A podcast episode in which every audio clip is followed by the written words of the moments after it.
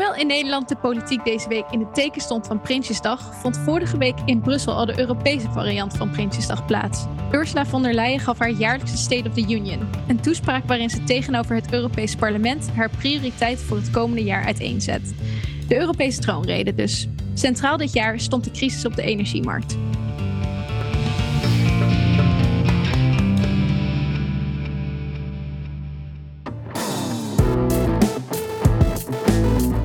Welkom bij Bellen met Bas, de podcast over Europese politiek waarin we bijpraten met GroenLinks-Europarlementariër Bas Eickhout. Mijn naam is Mijke Vedder.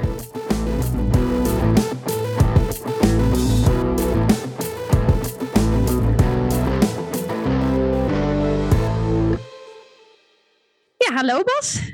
Hey Mijke, goeiedag. Hoe is het? Wel goed, jawel. Uh, ja, we hebben inderdaad vorige, we hebben dus de, de, de, de, Europese Prinsjesdag gehad en een week later is het de Nederlandse Prinsjesdag. Dus in principe weet je nu waar het nieuwe politieke seizoen over moet gaan. Ja, ziet zo'n troonrede, of nou ja, in, in Europa hebben we natuurlijk geen koningin, maar gaat het er een beetje hetzelfde aan toe of hoe moet ik dat zien? Ja, het is wel hetzelfde idee. Uh, het is alleen natuurlijk een hele andere setting. Uh, ja, Ursula van der Leyen is toch voorzitter van de commissie. Dus, dus het verhaal, uh, dat was dit keer wel opvallend. Het begon best wel echt, toen ging het heel erg centraal natuurlijk over de oorlog in Oekraïne en alle gevolgen voor de energiemarkt. Dus dat was een verhaal. Maar ja, in deel 2 wordt het ook een beetje nog een opsomming van allerlei andere initiatieven die eraan gaan komen. En dan ja, dan krijg je wel een soort, soort, soort, soort staccato opsomming van, van beleidsinitiatieven en dat wel in een soort verhaaltje gegoten. Ja, in die zin is natuurlijk de troonrede in Nederland wat anders, wordt ook door de koning gedaan. Er zit ook iets meer opsmuk rondom uh, heen. Maar het idee is hetzelfde. Het is in principe begin van het politieke jaar en, en uh, het ontvouwen van de plannen. Uh, waarbij eigenlijk wel interessant was dat, dat Ursula von der Leyen heel veel heeft verteld van allerlei initiatieven. Maar dat ook, ook in, in Straatsburg ging het debat natuurlijk vooral over de energiemarkt.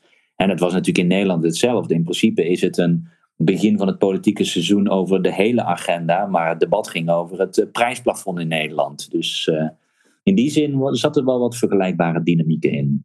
Ja, um, we gaan meteen maar gewoon even een stukje ervan luisteren. Want dan weten de luisteraars ook waar we het over hebben. En dan kunnen we daarna verder over die energieplannen praten. Dat is goed.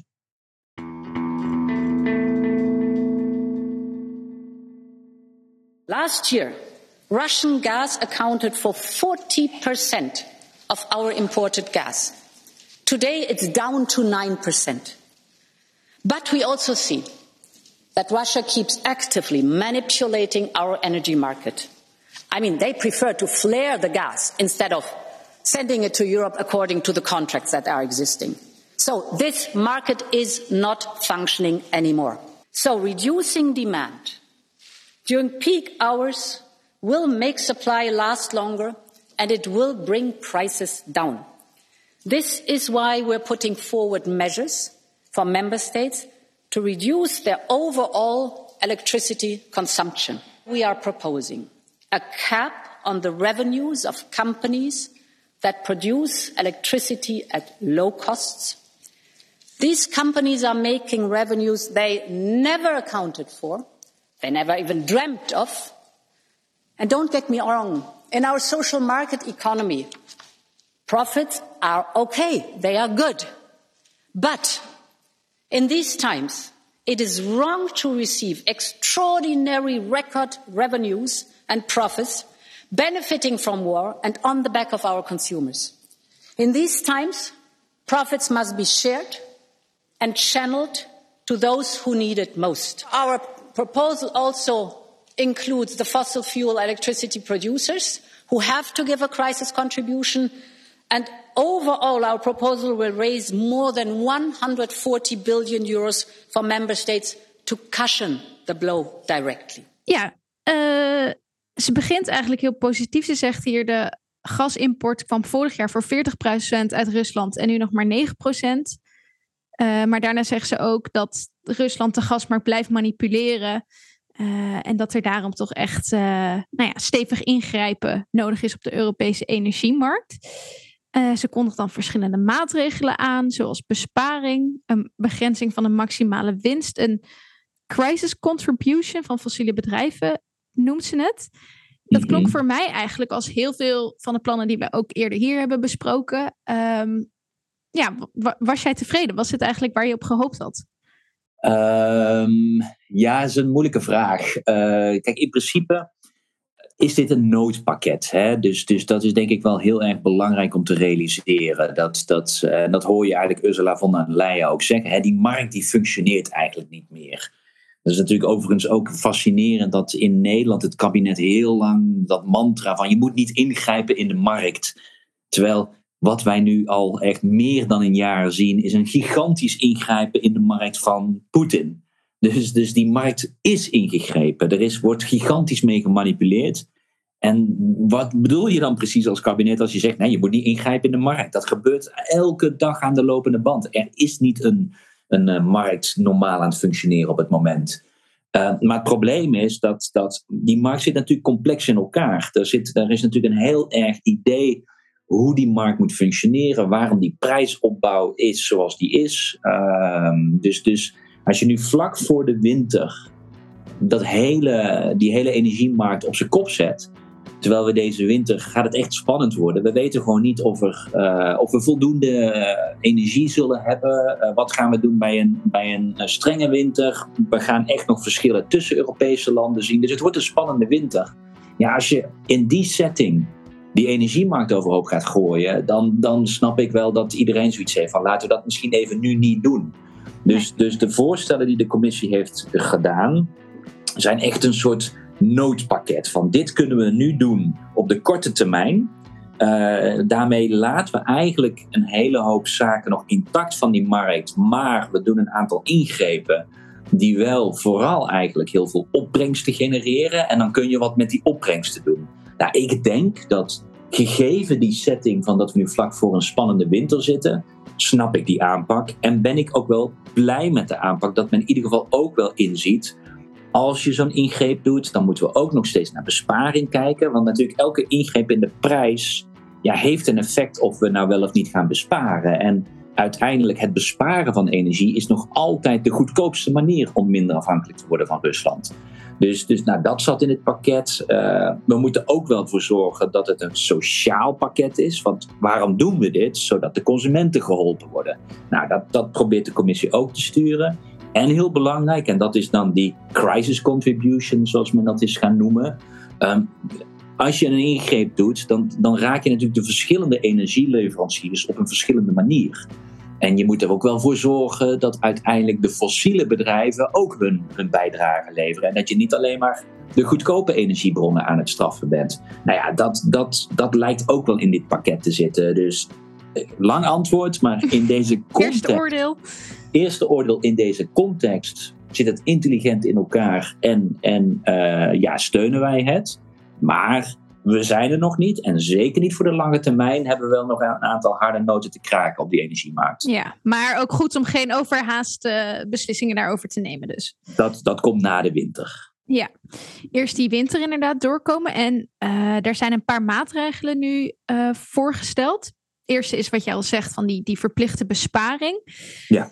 Um, en daarnaast stelt ze voor dat we uh, de winsten die nu gemaakt worden op duurzame energie, dat daar een maximum voor moet komen. Een inkomstenplafond eigenlijk. Ja. Uh, en er komt een, nou ja, uh, crisis contribution, zoals het zegt. Een solidariteitsmechanisme wordt het ook wel genoemd. Voor fossiele energie. Wat, wat zijn die twee mechanismen? Hoe werkt dat? En waarom zit er eigenlijk een verschil in maatregelen die worden genomen voor die duurzame producenten en die fossiele producenten? Ja, ja dit, dit, dit, ik zal proberen het uh, ja. uh, uit te leggen, want het zit echt complex in elkaar. Plus, kijk, ik was natuurlijk ook geen energiemarktdeskundige. Oh, nee. Dus nee, nee. Kijk, ik, Valt ik, tegen. ja, sorry, ik, ik doe best wel veel aan klimaat- en energiebeleid, maar nu ga je echt diep die energiemarkt in. Dus ik moet zeggen, ik, ik heb ook veel bijgeleerd de afgelopen maanden. Mm -hmm. Um, wat men doet, en dat is wel heel belangrijk, want het wordt vaak verwacht ook in Nederland, hè, dan noemen we het een prijsplafond. Maar wat Brussel nu voorstelt, is een inkomstenplafond. Oftewel, hè, die, die prijs die is nog steeds, uh, die, wordt, die wordt eigenlijk gezet door de duurste uh, energievorm. Hè, en dat is ook logisch, want dan ga je uit van het mechanisme, dat is dus een goed functionerende markt. Ga jij natuurlijk als energieinkoper, probeer jij natuurlijk te concurreren met, met, uh, met jouw concurrent. En jij probeert zo goedkoop mogelijk jouw energiemix te maken. Ja. En dan kun je daarmee je consumenten zeg maar, bedienen en zeggen: hé, hey, ik heb het goedkoopste voor jou.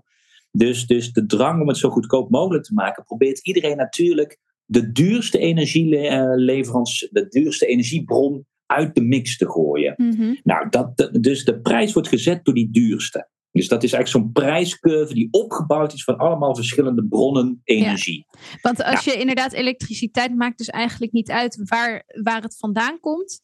De prijs daarvan wordt nu nog bepaald door de prijs van gas. De, en, en de duurste op dit moment en, en is natuurlijk heel duidelijk gas. En, Ja. en in principe werkt het systeem oké als die prijzen een beetje, die kosten van die verschillende energiebronnen een beetje bij elkaar liggen. Nou ja, dat is helemaal scheef getrokken. Duurzame energiebronnen zijn natuurlijk steeds goedkoper geworden. Dus zon en wind zitten echt aan de goedkope kant.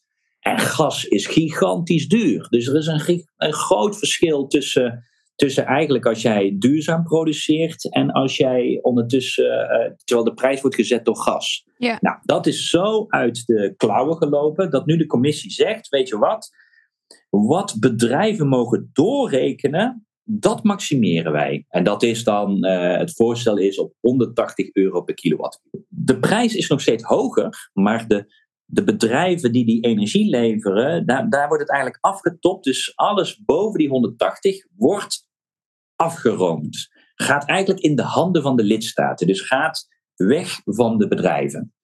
Ehm, daarmee, en dat is het belangrijke, daarmee raak je natuurlijk relatief harder partijen die heel erg op duurzame energie hebben ingezet. Want die zitten allemaal onder dat plafond. En eigenlijk zou jouw winstmarge veel groter zijn, maar daar raak je dus uh, het, het meeste. Ja. Als je een hele goedkope energiebron hebt. Die inkomstenbron het raakt dus relatief harder de duurzame energiebedrijven dan de fossiele bedrijven. Als jij volledig in gas zit, ja, dan, dan word jij ook wel gemaximeerd. Maar goed, je zat toch al met een nogal uh, hoge prijs. Ja, want die Uh, hebben nu hele hoge kosten. Dus eh, die winstmarge was, was klein. Daar hoeven ze weinig van af te staan. Zowel voor wind en zon, die kosten bleven voor hun eigenlijk heel laag. Maar ze konden het nog steeds voor die gasprijs eigenlijk verkopen. Waardoor opeens maakten zij enorme winsten. eh, terwijl ze daar zelf vrij weinig voor hadden gedaan. En, en een deel van Ja. die winst moeten ze dus nu... eh, wordt dat gewoon afgestaan aan, aan de Ja, dat wordt. Hoe- Dus, ja. dus dat, dat wordt weggenomen. Ja. Ehm, overigens wel even een kleine nuancering, want er wordt heel soms gezegd van, nou, die maken allemaal winsten. Dat is natuurlijk niet het geval. Dat ligt weer heel erg aan wanneer heb jij een lange termijn contract afgesloten. Dus ook die, die energieleveranciers hebben soms contracten af, afgesloten, net voor een lange termijn. En dan nu in één keer wordt die prijs zeg maar, afgeroomd, of die, die, dat inkomstenplafond wordt ingesteld. Dus, dus het zit complex in elkaar hoe dat precies welke leverancier in welke mate raakt. Ja. Maar onderaan de streep, wat je gewoon doet, is je zet eigenlijk gewoon een inkomstenplafond. Dus voor de energieleveranciers is er een maximum aan eh, ja, wat, je, wat je kan verdienen. De rest van die, die, die zeg maar excessieve prijs die daarboven zit, die inkomsten worden dus afgeroomd. En dat zijn inkomsten voor de overheid. Dit betekent niet dat de consumentenprijs in één keer anders wordt, want die prijs wordt nog steeds eigenlijk gezet. Hè? Alleen een energieleverancier krijgt het niet meer, maar de prijs is nog steeds hoog. Daarom, en dat is denk ik heel belangrijk, daarom kan er nog steeds op nationaal niveau een discussie worden gevoerd over een prijsplafond. En dat is Ja. nou precies de discussie die we in Nederland hebben. Dus in Brussel, en dat is denk ik belangrijk dat je dat in heel Europa doet, want dan is elk energiebedrijf heeft eenzelfde zeg maar, inkomstenplafond. Dus er is geen ongelijkheid tussen de energieleveranciers. Uh, daarmee, dat moet je echt Europees doen. Want stel je voor, als één land dat zou doen, dan zou jij jouw energieleverancier harder raken dan een duur land. En Ja, je- omdat het gewoon nog steeds één markt natuurlijk is. Precies, dus, dus daarom heb je een Europees besluit nodig om al die, al die, eigenlijk die energieprijs te reguleren op één niveau. Grijpt natuurlijk dit verschillend in. Hè? Dat heeft verschillende consequenties voor landen, kunnen we het nog over hebben. Maar in principe, voor het, het plafond geldt voor de hele EU. En de inkomsten kunnen overheden dan inzetten om bijvoorbeeld voor de consumenten een prijsplafond in te zetten. Dus wat Nederland nu aan het bespreken is, hè, die, dat prijsplafond, dat zou je kunnen bekostigen met die inkomsten van dat inkomstenplafond dat in Brussel nu wordt voorgesteld. En zo kan het dus aanvullend op elkaar ingrijpen en dan merk je er ook iets van als consument. Ja, eh, dus om het even, ik probeer het ook even op een rijtje te zetten. In Europa gaan ze dus inderdaad uh, uh, de producenten van energie gaan ze een deel van hun winst afnemen, omdat die nu enorm hoog is, doordat die gasprijs zo hoog is. Mhm. een deel van die opbrengsten kunnen dan vervolgens gebruikt worden om huishoudens nu bij te staan. En dat kan dan bijvoorbeeld in Nederland gebruikt worden bij zo'n prijsplafond, waar dan een max aan de energierekening komt. En dat verschil tussen nou ja, wat je als consument dan betaalt uh, en, en nou ja, wat de eigenlijke prijs is, dat wordt dan mogelijk dus met dit geld kan daarvoor gebruikt worden. Daar, daar, moet dan in principe, kijk, dat prijsplafond, hè, dit is ook in Nederland uitgerekend, dat kost enige miljarden. Uh, nou ja, die miljarden, uh, daar, daar heeft de, dat heeft de commissie ook weer berekend. Van nou, dat, dat, dat, uh, dat, dat prijsplafond, oh, sorry, dat inkomstenplafond, dan moet ik het dus ook wel goed zeggen. Dat inkomstenplafond, dat levert gewoon heel veel geld op in de EU. En dat kunnen overheden dan inzetten. Zoals in Nederland het idee nu is. Om een deel van die energierekening eigenlijk te betalen. Ja. ja. Oké, nou ik hoop dat mensen het nog een beetje volgen. Want dan is er dus nog een andere stap. en dat is die ja, uh, solidariteitsmechanisme wordt dat dus genoemd. Want uh, ze laten nu dus vooral die uh, producenten van hernieuwbare energie hiervoor betalen, maar ook fossiele industrie moet meebetalen. Ja. ja, want dat is dus het hele punt. Deze ingreep in die markt met zo'n inkomstenplafond raakt de partijen het hardst die dus hoge winstmarges hadden, omdat ze zojuist zo goedkoop zijn. Dus de goedkopere energiebronnen worden relatief harder geraakt door deze maatregel. Nou, ergens kun je zeggen, ja, maar goed, je, je, de, de, de prijzen waren zo excessief. Het is ook terecht dat dat ergens wordt gemaximeerd, hè, dat dat inkomsten wat, wat uh, afgetopt wordt. Nou, dat, dat vind ik ook. Alleen, er zit wel een oneerlijkheid in. Er zit wel een oneerlijkheid in, dan ben je lekker goedkoop en dan word je harder geraakt. En daarom heeft de commissie gezegd, nou, dat betekent dat we ook specifiek een solidariteitsheffing instellen voor fossiel, zodat die ook bijdragen en dat we niet hè, een oneerlijkheid krijgen tussen, tussen, tussen duurzame energie en fossiel, omdat uiteindelijk de richting nog steeds is, we willen naar duurzaam. Dus dan moet, een, moet er ook een maatregel aan de fossiele kant worden genomen, extra. En het is dus niet zo dat de kosten voor de fossiele industrie nu zo hoog zijn uh, dat zij niks meer uh, nou ja, solidariteit solidariteit weg kunnen geven? Nou, die solidariteitsheffing wordt heel erg gekoppeld aan de winsten die men nog heeft uh, gemaakt. Mm. Dus, dus uh, en ja, er worden nog steeds forse winsten gemaakt. Want sommige bedrijven hebben ook weer lange termijn contracten, terwijl ze al wel die hogere prijs doorrekenen. Dus er zijn echt partijen die, uh, die nou ja, Siebert van der Linden zou zeggen, gillend rijk worden. Uh, nou ja, dan is het dus wel logisch dat je, dat je een solidariteitsheffing baseert op die winsten. En er wordt dus echt gekeken van, nou ja, als jij op een aantal jaar eh, een bepaald percentage winst hebt geboekt, dan gaan we daar een heffing op doen. Uh, zodat het vooral die, bedrijven, die fossiele bedrijven raakt die op dit moment ook nog gewoon winsten maken. Oké, ehm, volgens mij hebben we dit dan op een rijtje. En wat moet dat dan in totaal op gaan leveren? Ja, dat heeft de commissie berekend. Dat, zijn, dat is wel interessant, hè, want, want dat proberen we natuurlijk uh, wel een beetje dan uh, ja, inzicht in te krijgen van, van hoe, hoe bereken je dat precies. Want dat, dat, dat is niet altijd duidelijk. Maar in principe heeft men berekend dat dit gezamenlijk ongeveer wel 140 miljard euro moet opleveren voor de hele EU. Hè? Dus ja. dat is wel. Uh, uh, dat is dus, ja, het is berekeningen, dat is natuurlijk heel erg gekoppeld. Gaat dat prijsniveau inderdaad 180 euro per kilowattuur zijn? Die fossiele solidariteitsheffing ligt natuurlijk heel erg aan hoe je die winsten over de afgelopen vijf jaar gaat tellen. Maar zoals we het hebben voorgesteld, komen zij op ongeveer 140 miljard euro in totaal. Klinkt voor mij als echt heel erg veel geld. Maar ik kan me ook voorstellen dat dat niet morgen meteen op de rekening van iedere Europeaan uh, staat. Terwijl nu, we zitten nu in een crisis uh, en mensen kunnen hun energierekeningen nu al niet meer betalen. Wanneer denk je dat nou ja, dat we hier de effecten van gaan merken? Nou ja, kijk, dat, dat ligt, er moeten nog een paar stappen gezet worden. Het voorstel ligt nu op tafel. De bedoeling is dat er echt snel een akkoord komt. Ja, want dit was eigenlijk alleen nog maar een voorstel van de Europese Commissie, maar daarmee is het nog geen werkelijkheid. Uh, nee, ja, het moet goedgekeurd worden. Ze hebben het wel met een, uh, met een speciaal artikel uit het Lissabon-verdrag, zodat het een noodmaatregel is, die dus alleen wordt goedgekeurd door, uh, door de lidstaten. Het Europees Parlement gaat er niet over, over een noodmaatregel. Dus dat betekent zoveel alleen maar een akkoord van lidstaten. Daar hebben ze een gekwalificeerde meerderheid van nodig. En in principe zijn ze nu dit allemaal aan het bespreken. En volgende week vrijdag, 30 september, is er een extra energieraad. Dus er komen de ministers van Energie weer bij elkaar. En die 30 september willen ze goedkeuring.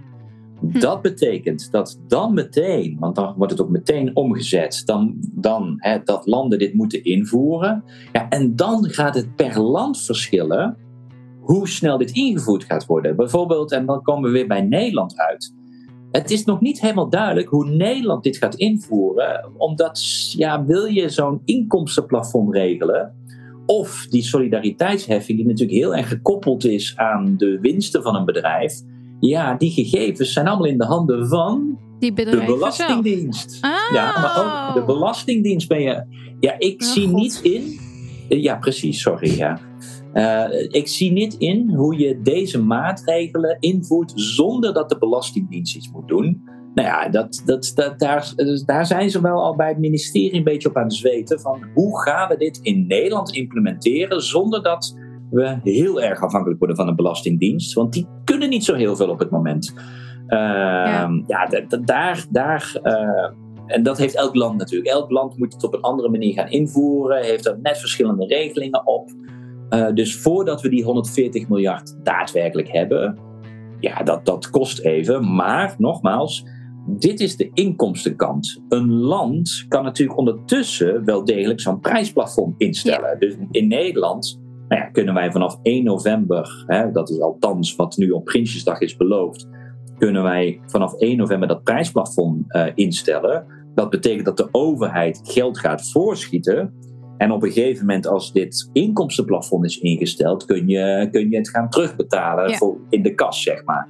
Dus, dus je kan echt snel maatregelen nemen. Maar voordat dit hele bouwwerk geïmplementeerd is, ja, zo, zo zijn we natuurlijk wel een paar ma maanden verder. Maar ja, de ja, consument extra kan reden natuurlijk... dus om voor nationale overheden wel aan die consumentenkant gewoon snel maatregelen te nemen. En uh, dan dit Europese geld later te gebruiken om dat eigenlijk te bekostigen.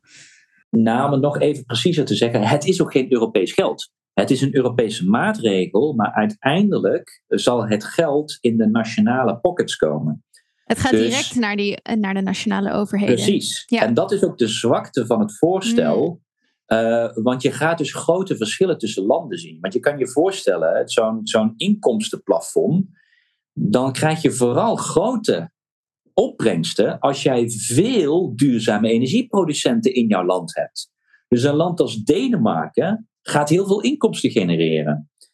Uh, maar als jij vrij weinig energieproducenten hebt in jouw land, heb je juist weer heel weinig inkomsten. En dit gaat echt een discussie worden. Kijk, de commissie heeft een snelle maatregel voorgesteld en hopelijk zijn we dus op 30 september akkoord en dan kan het ingevoerd gaan worden. Maar je zal dan gaan zien dat deze maatregel, die 140 miljard die het moet opbrengen, is totaal verschillend verdeeld over de lidstaten. En ja. daar gaat nog echt wel een debat op komen van, ja maar wow, wacht even. Het ene land heeft dan veel meer inkomsten dan het andere land. Terwijl natuurlijk elk land een cons de consument wil gaan compenseren. Daar gaat nog een spanningsveld komen. Ja, en is het dan, vind jij kwalijk dat het parlement hier ook uh, buitenspel staat, juist om dit soort zaken te kunnen controleren? Of is zo'n noodprocedure wel echt nodig om zo snel mogelijk actie te ondernemen? Nou, kijk, wij hebben natuurlijk in de coronatijd hebben wij op een aantal fronten heeft het Europees Parlement laten zien dat wij ook heel snel wetgeving er doorheen kunnen jagen. Dus, dus het is niet het parlement ja, waar het per se vertraagd uh, zou worden. Nee, nee, kijk, maar goed, men heeft er nu gedacht van we moeten zo snel dat, dat we het niet nog complexer willen maken. Uh, maar goed, dat heeft ook wel ervoor gezorgd dat, dat uh, de commissie echt het alleen maar met tijdelijke maatregelen. Hè, de, de, de regels zijn heel duidelijk. Je mag dit soort dingen alleen doen als het heel tijdelijk is. Ja, bijvoorbeeld die solidariteitsheffing ja, is eigenlijk een, een soort van belasting op die excessieve winsten die ja. fossiele bedrijven maken. Ja, dat zouden wij heel graag structureel willen zien. Maar dat kan je natuurlijk niet in een noodmaatregel. Dus het moet per se een eenmalige noodmaatregel zijn. Ja, als je het zo insteekt, denk ik van oké, ik kan nu wel heel erg gaan, hè, gaan procedureel uh, mopperen. Maar mhm. met alle respect, we zitten allemaal met een gigantisch hoge energierekening. De nood is hoog. En dan zou het Europees parlement over procedureel. En ja, maar wij moeten wel mee kunnen spreken. Weet je, ik vind dat niet heel sterk op het moment. Dus ik, ik snap heel goed deze methode. Maar daardoor zitten er wel zwaktes aan. Het is niet een Europese oplossing. Het is dus een Europese maatregel die per land verschillend uitpakt. En het is heel duidelijk een zeer eenmalige uh, toepassing. Echt Europees ingrepen wordt eigenlijk nog steeds hiermee uh, uh, nou ja, vooruitgeschoven. Het, ja, de, de, Europese solidariteit is hiermee niet geregeld. Dus het is wel één maatregel waardoor dus elke energiebedrijf ja, voor dezelfde uitdaging komt in heel Europa. Dat is eerlijk. Maar de consequenties zijn echt verschillend nog per land. En ja, je gaat wel echt een spanning tussen landen nog steeds zien. Dat hebben we nog niet opgelost. En het is eenmalig. Dus bijvoorbeeld die, die solidariteitsheffing geldt alleen maar over het belastingjaar 2022. Ja. Ja, ik denk voor dat. Volgende winters uh, ja, zal er meer nodig zijn. Er zal echt nog voor 2023 en verder ook wat nodig zijn. Dus gewoon puur een debat over gaan. Wat gaan we nou eens doen met die excessieve winsten? Uh, zal op tafel blijven.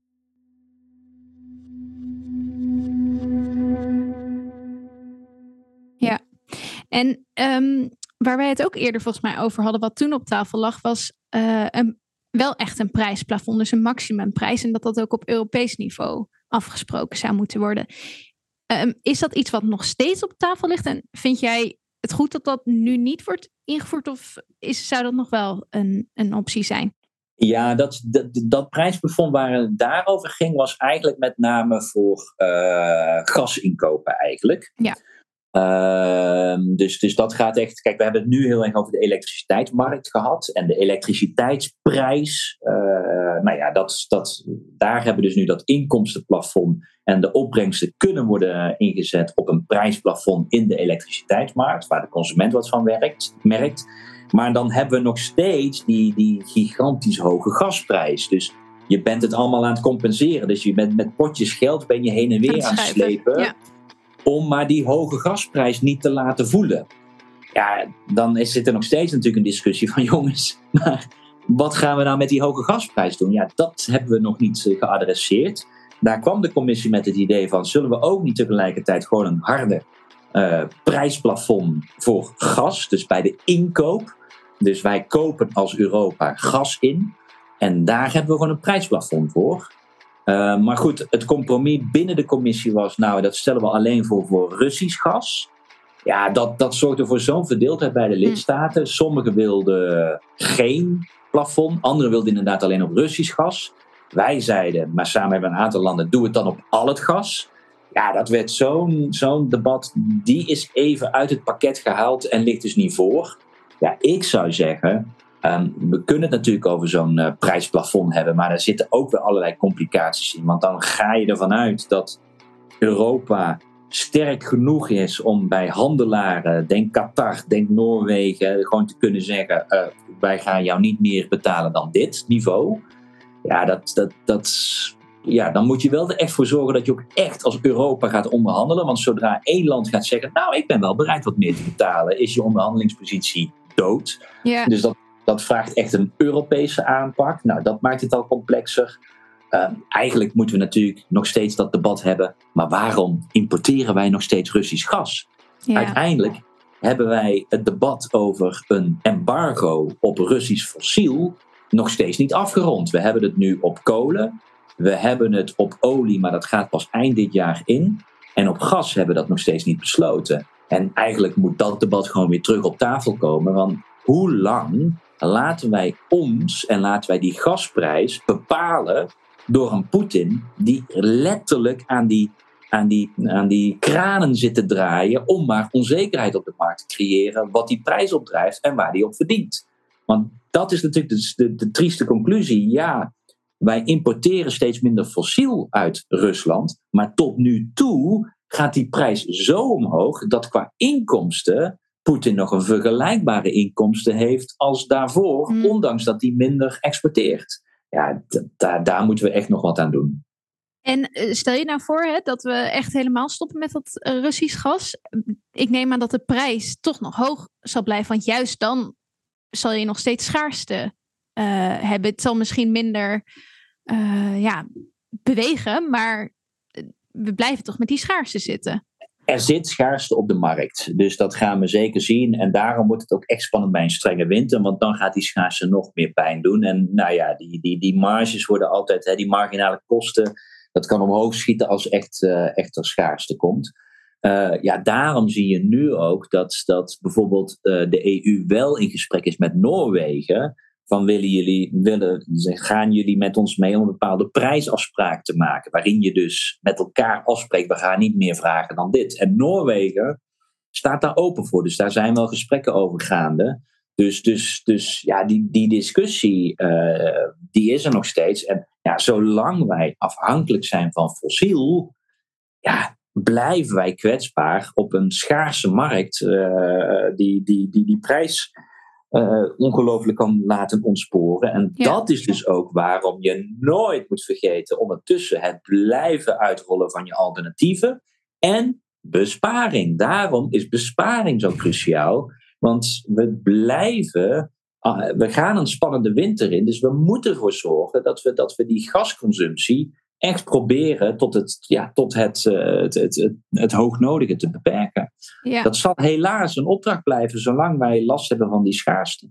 En als het dan gaat over het uitrollen van die alternatieven. Ik las ook dat wel een aantal eh, duurzame energieproducenten of lobbyclubs nu zeggen: ja, eh, jullie gaan onze winsten nu eh, afromen. Maar dat, dat zorgt ervoor dat er gewoon veel minder geïnvesteerd gaat worden in duurzame energie. Terwijl jullie dat juist zo graag willen. Klopt dat? Nou ja, daar, daar, moet, nou, daar, kijk, daar moet je goed naar kijken. Dat ligt er dus heel erg aan aan wat voor contracten die hebben afgesloten. Want laten we wel wezen, dat, dat inkomstenplafond dat gesteld is, is op 180 euro per kilowattuur. Dat is nog steeds een heel hoog niveau. Eh, dat is nog steeds ja, bijvoorbeeld ongeveer vier keer zo hoog als, als wat de kosten zijn van duurzame energiebronnen. Dus, dus het, is, het inkomstenplafond wordt niet op een, eh, op een lukraak iets gepland natuurlijk. Dus uh, inkomsten zijn er nog steeds. Maar het klopt, afhankelijk van de contracten die je hebt afgesloten, heb je meer of minder ruimte. Uh, daarom wordt er ook heel erg gekeken naar ondersteuning voor verdere uitrol van alternatieven. Daarvoor hebben we dus ook dat, dat nou ja, dat is in het voorjaar gekomen, dat Repower EU, waarin Mhm. weer geld wordt vrijgemaakt, onder andere uit het coronafonds, om juist geld te investeren in het uh, investeren in alternatieven. Ja. Dus ik, ik moet zeggen, ik zag een aantal van dat soort uh, klachten. Ik, uh, ik snap dat in sommige gevallen het ook echt moeilijk kan liggen. Maar ik vind oprecht ook wel dat hier ik iets meer verwacht van de, ook de duurzame energiebedrijven. Dat ze zeggen van jongens, wij zien dat er, dat, er, dat op dit moment die prijzen zo uit het lood zijn geslagen dat er wat nodig is. En ga dan heel specifiek in waar komen we nu dan echt met, met problemen, met investeringsproblemen. En daar waar die zijn, ga daar dan concreet aan vragen bij de verschillende landen. Want er zijn allerlei potjes gecreëerd. We hebben dat Repower EU. Er zijn dus nieuwe opbrengsten. En er wordt ook gezegd van daar moeten we wel voor zorgen dat die inkomsten gaan naar en de consumenten en de investeringen voor alternatieven. Dus, dus ja. daar kan echt nog wel een mouw aan gepast worden. Ik vond het, ja, ik vond het een beetje jammer dat er, dat er zo'n defensieve reactie. Ik was, dat, dat, dat ben ik gewend van de fossiele industrie. Dat wil ik liever niet zien aan deze kant. Nee, vooral solidariteit. Ja, het is toch. Uh, en, en laten we wel wezen, uiteindelijk, de signalen zijn heel duidelijk. Onze toekomst is duurzame energie. Dus, dus nou ja, laten we daar dan van uitgaan. Maar dan zorg dat je heel precies aangeeft waar je te, tot investeringsproblemen aanloopt. En laten we proberen dat op te lossen. Ja. Maar dan heb je inkomsten nodig. Ja, die moeten gegenereerd worden door zo'n inkomstenplafond. Ja, duidelijk. plafond. Um, we hebben eigenlijk nog wel meer te bespreken. Dus ik, ik wil door naar Zweden en Italië. Uh, mm. Daar gebeurt nog veel meer. Afgelopen week waren er namelijk verkiezingen in Zweden. Of al twee weken geleden, maar het duurde even voordat de uitslag helemaal bekend was. Want het was uh, ontzettend spannend of het linkse of rechtse blok de verkiezingen ging winnen. Yeah. Uiteindelijk is dat het, uh, het rechtse blok geworden. Um, mede door de extreemrechtse Zweden-Democraten die daar onderdeel van zijn. Ja. En dan hebben we zondag ook nog verkiezingen in Italië, waar het er heel erg op lijkt dat de radicaal-rechtse Giorgia Meloni er met de winst van doorgaat. Ja, um, ja jij was al op, even op de radio daarover en toen noemde je haar een neofascist. Dus ik dacht, nou, hier moeten we het toch nog even verder over hebben, hoe dat nou precies zit. Ja. Maar uh, kan je um, als je nu kijkt naar die verkiezingen, een conclusie daaruit trekken dat, dat het lijkt alsof we in een extreemrechtse golf zitten in Europa? Of is dat te kort door de bocht? Nee, dat is te kort door de bocht. Allereerst moeten we. Kijk, er is een trend gaande. Hè? Dat, is, dat is onmiskenbaar. Dus, uh, dus je, het is altijd. Wat je ook zegt, je krijgt altijd uh, shit over je heen op Twitter, zal ik maar zeggen. Uh, dus nou ja, dat zal wel. Uh, maar dat komt omdat het, het, het, ligt er heel erg aan hoe je dit analyseert. Kijk, het is een feit dat, dat je ziet dat, uh, dat, dat op dit moment mensen uh, zo onzeker zijn dat ze ja, makkelijker geloven in de fabels van, van rechtspopulisten. Dat, dat, dat is hoe ik het zou willen samenvatten. Yeah. die namelijk tegen jou zeggen alle problemen komt door buitenlanders en allerlei andere enge mensen. Uh, maar wij gaan ervoor zorgen dat alles goed komt. Uh, ja, weet je, dat, dat is helaas voor veel mensen wel een dusdanig prettige boodschap dat, dat ze daarin gaan geloven. Uh, maar als je gaat kijken, dus, dus er is een groei gaande. Maar als je gaat kijken naar de verschillen. Kijk, in Zweden, de grootste partij is nog steeds de Sociaaldemocraten. Ja. Ja, de, de Zweedse democraten, die, die zijn, hè, dat is dat, dat ja, dan nou beginnen we wat voor label is het? Er zit zeker extreemrechtse elementen in, maar zoals al die partijen, die meten zich altijd een wat, wat, wat, wat, zien er altijd wat vriendelijker uit ondertussen, maar je weet nooit precies wat de overhand heeft. Maar nou, het is gewoon een feit dat het echt uit een extreemrechtse ideologie is ontstaan. Ja. Uh, uh, dus, dus hoe dat precies uitpakt moet je altijd zien. Maar goed, dat is de tweede partij van uh, Zweden. Maar nog steeds echt een stuk kleiner dan, dan de Sociaaldemocraten. Uh, en de winst is vooral ten koste van andere rechtse partijen gegaan. Dus je ziet eigenlijk vooral dat in het linkse en het rechtse blok dus de, de stemmen verschuiven.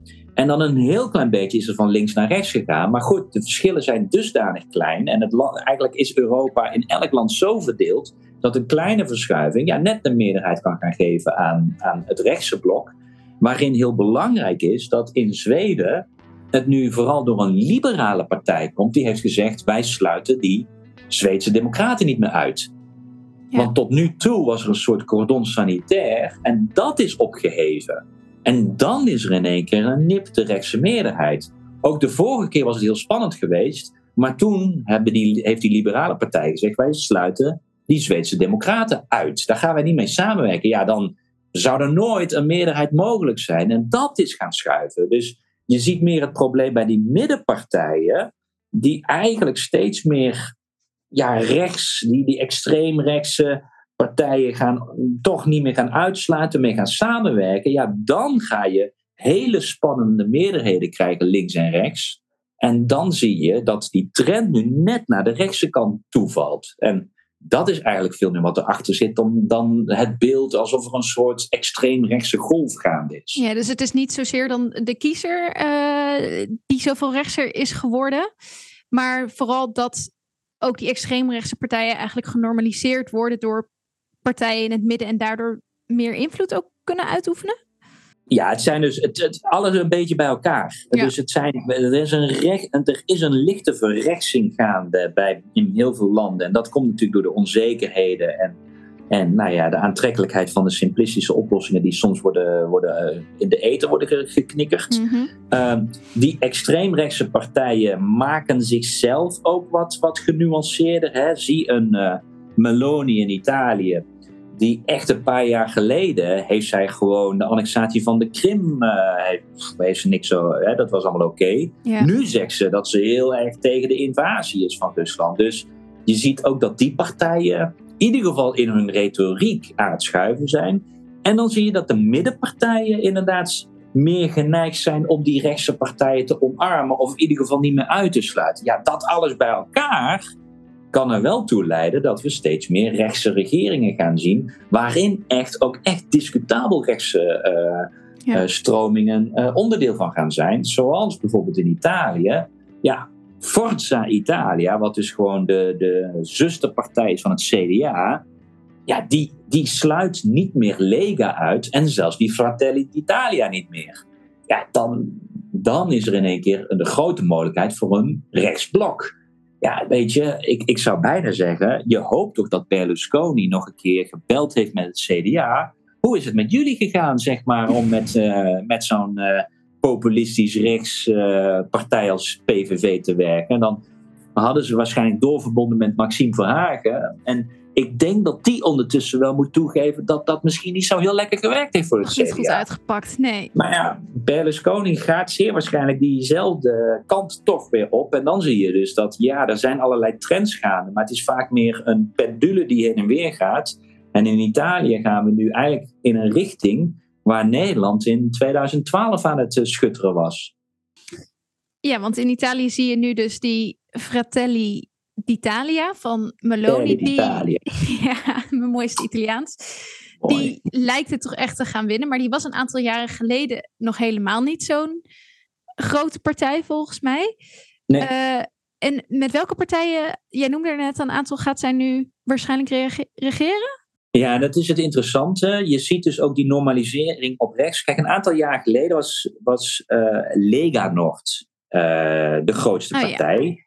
Uh, en, en Lega Nord was heel erg een, uh, een, een, partij die vooral dus voor, de term zegt het al, vooral voor Noord-Italië was. Eigenlijk wilden ze ook gewoon los van Zuid-Italië, want in, in Italië, Noord-Italië is het economisch hard en Zuid-Italië. Uh, nou ja, dus, dus dat was Lega Nord wilde gewoon af van Zuid-Italië en alle kracht naar het noorden. Um, op een gegeven moment zijn ze populairder geworden en wilden ze toch ook wel populair in heel Italië, in heel Italië worden. Dus noemen ze zichzelf nu Lega. Dus Noord is weg, het is nu Lega.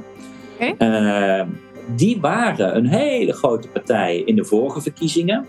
Maar niemand wilde met hun samenwerken. Dus uiteindelijk kwamen we in allerlei technocratische regeringen. Want en mensen lang... vonden hun te rechts om mee samen te werken? Of ja, precies. precies. Uh, ja, het kan verkeren. Uh, en uiteindelijk is Draghi daar premier geworden. En die heeft een soort nationale regering gevormd. Ja. Met alle partijen, inclusief Lega. Dus Lega, die zichzelf ja, wat realistischer wilde opstellen om te laten zien: wij kunnen heus regeren. Die zijn onderdeel geworden van de coalitie onder Draghi.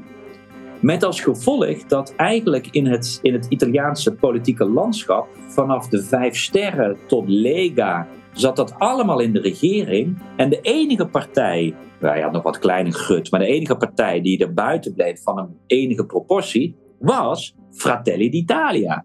Hm. Dus de populariteit van Fratelli d'Italia is ook in grote mate dat zij niet onderdeel zijn geweest van de Draghi-regering. Ja. Nou ja, dan, en dus zie je dat die nu de grootste partij zijn geworden en dat het Lega van Salvini en Forza d'Italia van Berlusconi, dat die drie partijen nu waarschijnlijk een coalitie gaan vormen, waarbij, waarbij Fratelli d'Italia de grootste partij is. En uh, dat we dus wel, nou ja, dat, dat is het enige interessante, dat Italië dan wel voor de eerste vrouwelijke premier komt. En nog eerder dan een land als Nederland. Het, wij denken progressief te zijn, maar Italië heeft dan eerder een vrouwelijke premier dan Nederland. Ja, nou ja, op deze manier hoeft het van mij, uh, denk ik niet. Nee, nee, dat snap ik. Uh, dat, dat, dat, zeg maar, dat is ook het enige wat dan uh, daarvan gezegd kan worden. Want verder, ja, Giorgia Meloni, die komt dus weer uit de jeugdbeweging. Die is opgericht na de oorlog. Dat echt nog Mussolini uh, eerde. En ze heeft ook in eerdere interviews Mussolini een goed politiek leider genoemd. daarvan zegt ze nu allemaal, ja, ja dat was allemaal vroeger. Bedoelde ik niet zo. Ja, heeft ze zo niet eens gezegd. Maar ja, dus weet je, ze, je weet gewoon niet wat je aan haar hebt. En als je haar oude standpunten hoort, dan, dan, dan ja, is, ze echt, is, is het een rechtstreekse lijn uit de Mussolini-school. Hm. Alleen ze doet zich nu anders voor, omdat ze gewoon weet dat de Italiaanse kiezer natuurlijk helemaal niet op die lijn zit. Dus ze meet zich nu een wat mildere imago aan. Maar ja, weet je, Berlusconi probeert nu de kracht te zijn die zegt: wij matigen haar wel in een coalitie. Ja, dat is wat Nou ja, als Maxime... het aan Berlusconi ook ligt, inderdaad, dan heb ik daar ook niet Ja, dat zei veel, Maxime eh, Verhagen, dat ze Wilders zouden inkapselen. Ja. Nou, dat is echt heel succesvol gegaan. Dus, ja, plus Ja. inderdaad met Berlusconi. Nou, ik, ik durf wel de stelling aan. Ik, ik vertrouw meer op Maxime Verhagen dan op Berlusconi. Ah, dat zegt wat. Ehm, maar je zou dus eigenlijk zeggen, het is niet zozeer dat die kiezers nou ook allemaal dat eh, soort neofascistische gedachtegoed van niet. haar delen. Nee. Maar dat zij ook de enige nu is in de Italiaanse politiek die echt nog soort van geloofwaardig kan zeggen dat ze die, nou ja, eh, buitenstaander is die een soort van tegen het systeem kan schoppen en het allemaal gaat veranderen.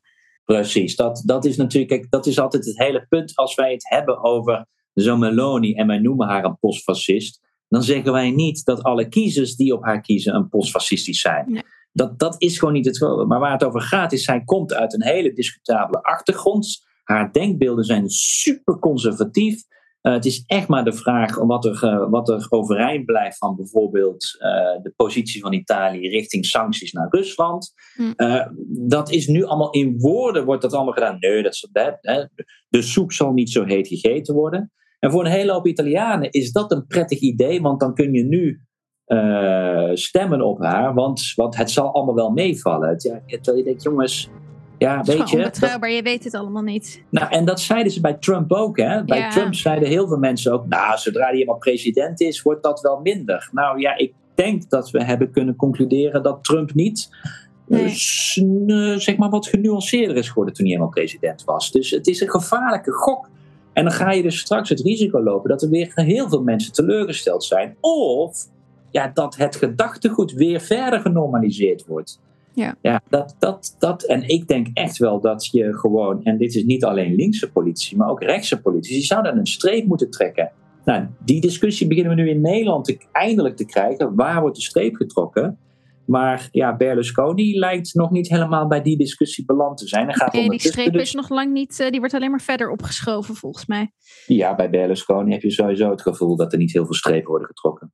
En merk jij in Brussel nou, nou ook dat hier door mensen al een beetje zenuwachtig eh, worden? Want bijvoorbeeld Zweden, die wordt een- op 1 januari EU-voorzitter. Nou, er is in Zweden nu nog niet officieel een regering gevormd, maar dat wordt dus sowieso een rechtse regering waarschijnlijk met in ieder geval veel invloed ook van extreem Ja, rechts. gedoogconstructie, hè? Men praat Ja. over een gedoogconstructie. Nou, Nou. is echt één op één wat wij met PVV Ja, hebben. dat zal, klinkt mij niet heel stabiel in ieder geval in de oren en ook niet heel pro-Europees. En nou ja, Italië weten we dus ook nog niet precies wat er gebeurt, maar het ziet er eh, ook niet heel goed uit. Terwijl ze daar net dus een regering hadden met eh, Mario Draghi dus. Nou, dat is voor een voormalig ECB-president.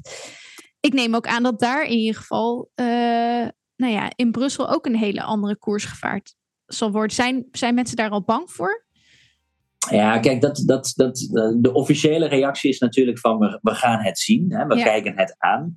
Eh, ik denk oprecht dat men naar Zweden toch kijkt als een land dat, ja, dat, dat, dat, dat wordt discutabeler, maar kijk, Zweden was sowieso al nooit het meest pro-Europese land, dus dat, dat zat er altijd in. En, en Zweden gaat, ja, men denkt toch dat Zweden geen hele rare dingen gaat doen.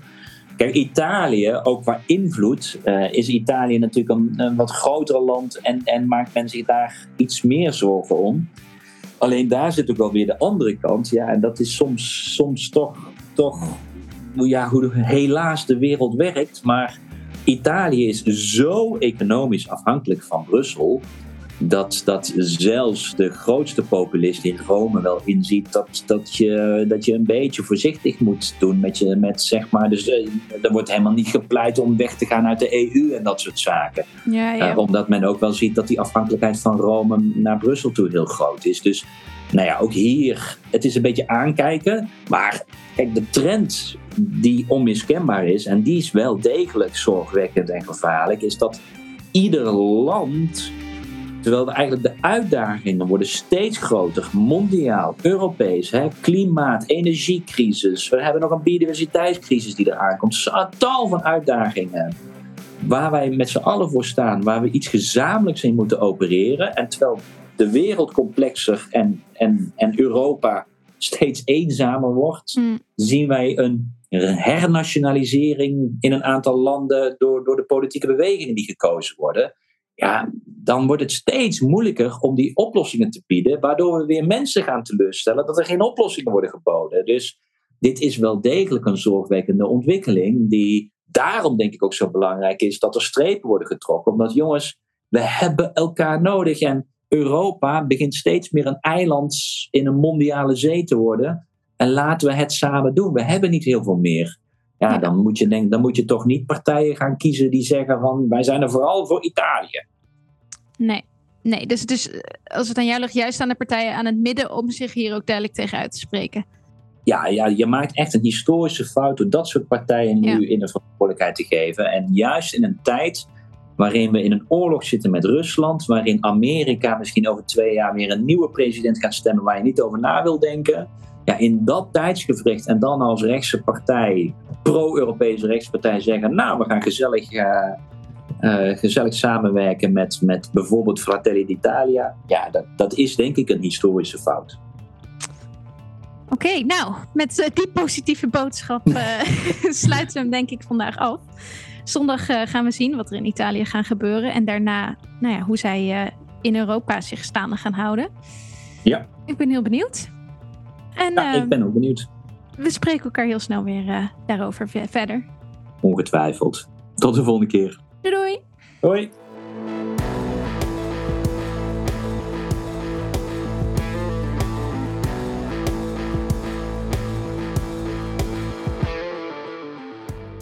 Dit was Bellen met Bas, een podcast van GroenLinks Europa en de Groenen in het Europees Parlement. We horen graag van je. Laat je reactie achter op vriendvandeshow.nl slash bellen met Bas en meld je aan voor onze Europa-update op europa.groenlinks.nl. De audiovormgeving is door Studio Cloak. Tot een volgende keer!